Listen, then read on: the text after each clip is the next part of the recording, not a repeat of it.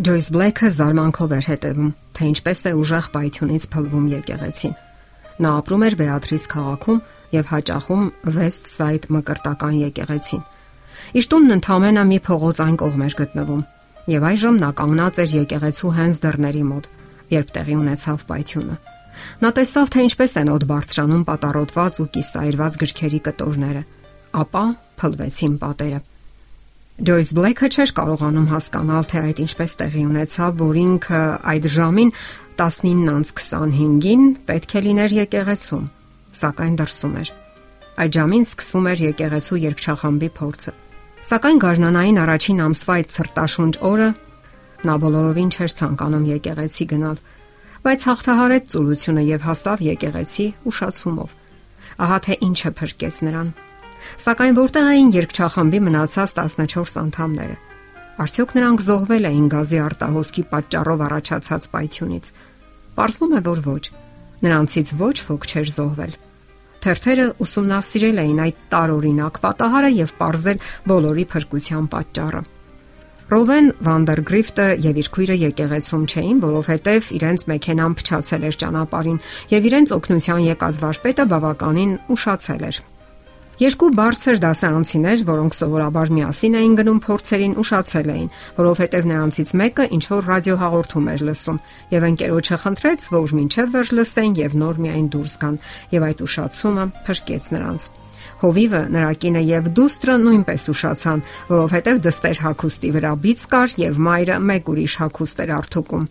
Երկչախմբի անդամներից մեկը կարևոր նամակ էր գրում եւ չհասցրեց ժամանակին ներկա գտնվել իսկ երկչախմբի ղեկավարը, ով սովորաբար կես ժամ շուտ էր գալիս փորձերին, անսպասելի քնեց եւ չկարողացավ արթնանալ ժամանակին։ Իսկ քանի որ նա մոր հետ էր գալիս, նրանք երկուսով ուշացան փորձից եւ այդպես բոլոր նրանք, ովքեր մասնակցում էին փորձին, այս կամ այն պատճառով ուշացան։ Տարօրինակ զուգադիպություն է, այնպես չէ՞, որ գուցե նմանեցնեք հեքիաթին։ Իսկ միգուցե դա բոլորովին էլ զուգադիպություն չէր։ Դա բացահայտ հրաշք էր, հայտարարեց Ռովենան Բեատրիս Դեյլի Սանթերթի թղթակցին։ Դա Աստծո հստակ հոգատարությունն էր իր յուրաքանչյուր զավակի հանդեպ։ Իսկ դուք հավատում եք հրաշքների։ Հնարավոր է ձեր կյանքում եւս տեղի են ունեցել հրաշքներ, եւ դա օգնել է, որ դուք ավելի ամրապնդվեք ձեր հավատքի մեջ։ Ասենք որ հրաշքները անբացատրելի են։ Հրաշքը հրաշք չէր լինի, եթե հնարավոր լիներ բացատրել Նրանք, ովքեր չեն ցանկանում հավատալ հրաշքներին, Աստծո գոյությանը կամ նրա հստակ դերակատարմանը մարդկանց կյանքում, պատրաստ չեն հավատալու հրաշքներին։ Սակայն Աստվածաշունչը պատմում է բազմաթիվ անբացատրելի երևույթների կամ այլ կերպ ասած հրաշքների մասին։ Մեր շրջապատում բնության մեջ արկա է խորթավոր ու առեղծված այնը։ Հրաշքը սովորականի, առօրյականի հակադրությունն է։ Դրան պետք է պարզապես հավատալ Իսկ տեխնիկական միջոցների կամ աստծո հնարավորությունների մասին մենք դեռ կհասցնենք իմանալ։ Հրաշքները չեն բացատրվում գիտական տեսանկյունից, եւ որքան էլ մեր բանականությունը չկարողանա անցալել դրանք, հրաշքների արկայությունը փաստ է։ Ինչպես կարող է սովորական ջուրը վերածվել գինու։ Ոչ ոք չի կարող դա բացատրել, սակայն կանայի հարսանիքին ներկամարտիկ գտան, որ այդ գինին պարզապես հրաշալի է։ Հիսուսի խոսքերից հետո ակնթարթորեն բժշկվեց բորոտի նեխող ու քայքայվող մարմինը։ Որ բժիշկը կարող է դա բացատրել։ Սակայն մարդիկ իրենց աչքերով տեսան, թե ինչպես է երջանկությունից թռչկոտում ապակինված բորոտը, եւ այնուամենայնիվ դա չխանգարեց, որ շատերը այդպես էլ չհավատան Հիսուսին եւ նրա առաքելությանը։ Կամ ինչպես կարող էր 38 տարի կաթված ահար հիվանդը, որ գամված էր անկողնուն եւ խղճուկ գոյություն էր քարշ տալիս, Հիսուսի հրամանից հետո կանգնել եւ երիտասարդի նման առույգ քայլել։ Այսպիսի երևույթները մենք ընդունում ենք հավատով։ Մենք հավատում ենք Հիսուսի խոսքին եւ նրա ապակինող զորությանը, ինչքան էլ որ երևույթը անբացատրելի լինի։ Եվ ի վերջո դա անբացատրելի է մեր ներկա հնարավորությունների եւ պատկերացումների սահմաններում եւ մակարդակում, այլ ոչ թե Աստծո համար։ Իսկ մենք Պետք է սովորենք մեր քրիստոնեական փորձառությունները խարսխել Հիսուս Քրիստոսի բուժարար խոսքի վրա եւ հավատով ապավինել զորավոր խոստումներին։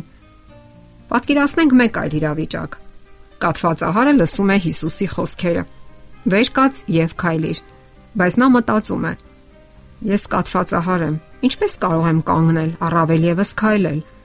Այսպես մտածելու դեպքում նա մեկ ընդմիշտ հիվանդել կմնար։ Սակայն նա հավատաց Հիսուսի խոսքին, կանգնեց եւ քայլեց։ Հիշենք մեկ այլ հրաշք։ Աստվածաշնչում նկարագրվում է կույրի բժշկումը։ Նա նույնպես հավատաց Հիսուսի խոսքերին եւ բժշկվեց։ Սակայն միանգամայն այլ եղանակով։ Միգուցե նա սպասում էր, որ Տերը կդիպչի իր աչքերին, կարտասանի խորթավոր խոսքեր, Սակայն Հիսուսի արածը անսովոր էր, որոշ մարդկանց համար անգամ անիմաստ։ Հիսուսը թքեց գետնին, թքից ցեխ սարքեց, ցեխը քսեց կույրի աչքերին եւ ասեց. Գնա, լվացվիր Սելովամի ավազանում։ Կույրը հավատաց Հիսուսին, չքննեց նրա խոսքերը, այլ գնաց, լվացվեց եւ կատարվեց հրաշքը։ Աստծո խոսքը վկայում է, որ նա սկսեց տեսնել։ Կարող էր գույրը մտածել. Հետաքրքիր է, իսկ ես չէի կարող ցեխ պատրաստել։ Սակայն նա հնազանդվեց։ Ամուր հավատքի պայմաններից մեկը հրաշքներին հավատալն է։ Ուրեմն եկեք վստահենք Աստծուն, ով պատրաստ է կատարել այդ հրաշքները, սակայն միայն իր ժամանակին եւ անհրաժեշտությունից ելնելով։ Մեզանից պահանջվում է հավատալ ու վստահել նրան։ Մնացածը նա ինքը կանի, ինչպես արել է հազարամյակներ առաջ եւ շարունակում է անել։ Եթերում է ղողանջ հավերժության հաղորդաշարը։ Ձեզ հետ է Գեղեցիկ Մարտիրոսյանը։ Հարցերի եւ առաջարկությունների դեպքում զանգահարեք 094 08 2093 հեռախոսահամարով։ Հետևեք մեզ hopmedia.am հասցեով։